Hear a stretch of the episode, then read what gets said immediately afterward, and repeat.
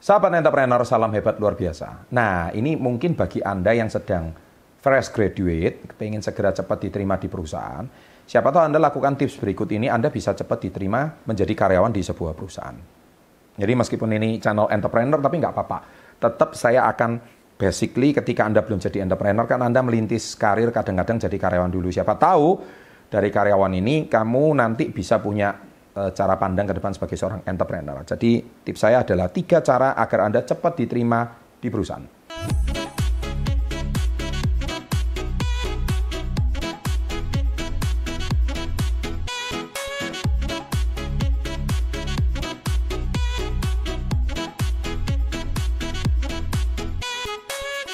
Lakukan tips ini yang pertama. Jadi ketika Anda mau cepat diterima di perusahaan adalah satu, berpikir sama seperti bosmu bos itu kepingin menerima karyawan itu karena dia pasti ada satu permasalahan di perusahaan, tapi Anda bisa memberikan solusinya.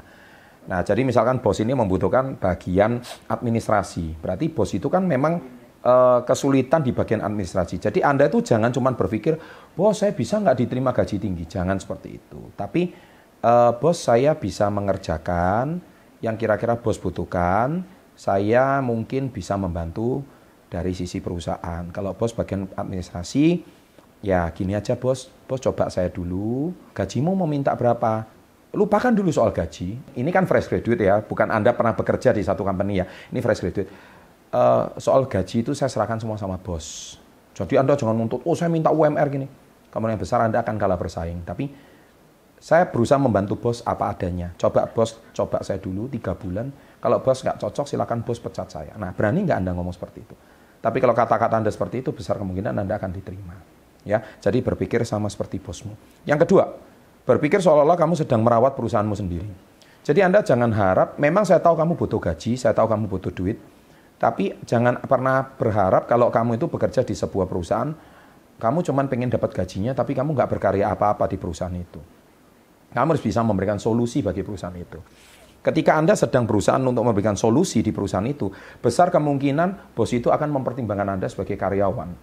Karena ketika bos itu membuka lowongan kerja atau loker bekerja di bagian ini, dan akhirnya ketika bos uh, sedang berusaha mencari Anda di bagian ini, Anda berikan semaksimal mungkin apa yang bos butuhkan, dan sesuai dengan etos kerja yang diharapkan, kamu nggak usah menjanjikan banyak, bos coba aja dulu kerja saya, kalau kerja saya bagus silahkan bos pertimbangkan.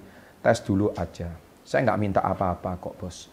Tapi semoga saya bisa membantu apa yang bos butuhkan. Saya akan berusaha memberikan apa yang bos berikan. Nah ketika kata-katamu seperti itu, bos itu akan punya kredit tersendiri di mata bos. Wah ini karyawan yang cukup bagus.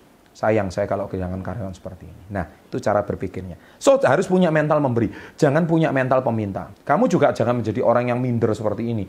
Uh, bos, yang penting saya dapat kerja, bos. Uh, anakku dua. Wah, ini pusing sudah.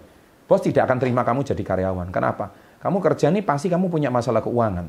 Ketika kamu punya masalah keuangan, besar kemungkinan bos malah pusing. Kenapa? Wah ini kalau kerja nanti kasbon terus ini. Nanti minta duit terus. Bos akhirnya pusing.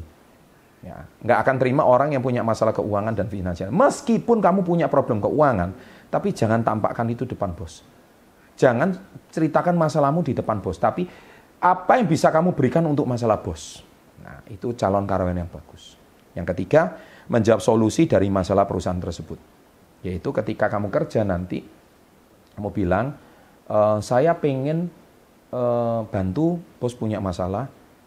E, kalau saya nggak ngerti, saya akan belajar, saya akan coba beradaptasi, saya akan coba sambil beradaptasi bagaimana, semoga saya bisa memberikan solusinya. Silakan bos coba, kalau nggak cocok ya nggak apa-apa. Semoga saya bisa bermanfaat bagi perusahaannya bos. Selamat mencoba dan semoga Anda segera diterima. Sukses selalu dan salam hebat luar biasa.